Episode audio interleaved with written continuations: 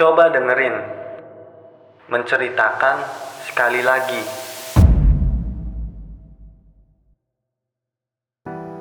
Cerita dari catatan kecil. Ada kisah yang dikasihi. Ada pula kasih yang dikisahkan. Dua hal yang mengoneksi batin bersinambung dalam perjalanan.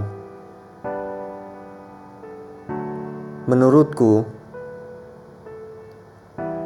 mengasihi adalah sebuah tekanan yang didasari oleh hati melalui rasa, kasih sayang, cinta, atau kepedulian. Sedangkan mengisahkan adalah cerita, kenangan, dan banyak hal yang didasari oleh tekanan dari hati yang kita rasakan.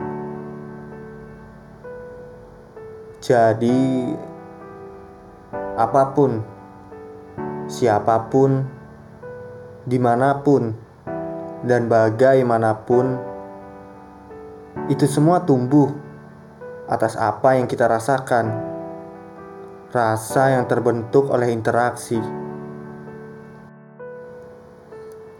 Interaksi yang tertanam dalam diri. Lalu, bagaimana kisahmu dan kasihmu hari ini?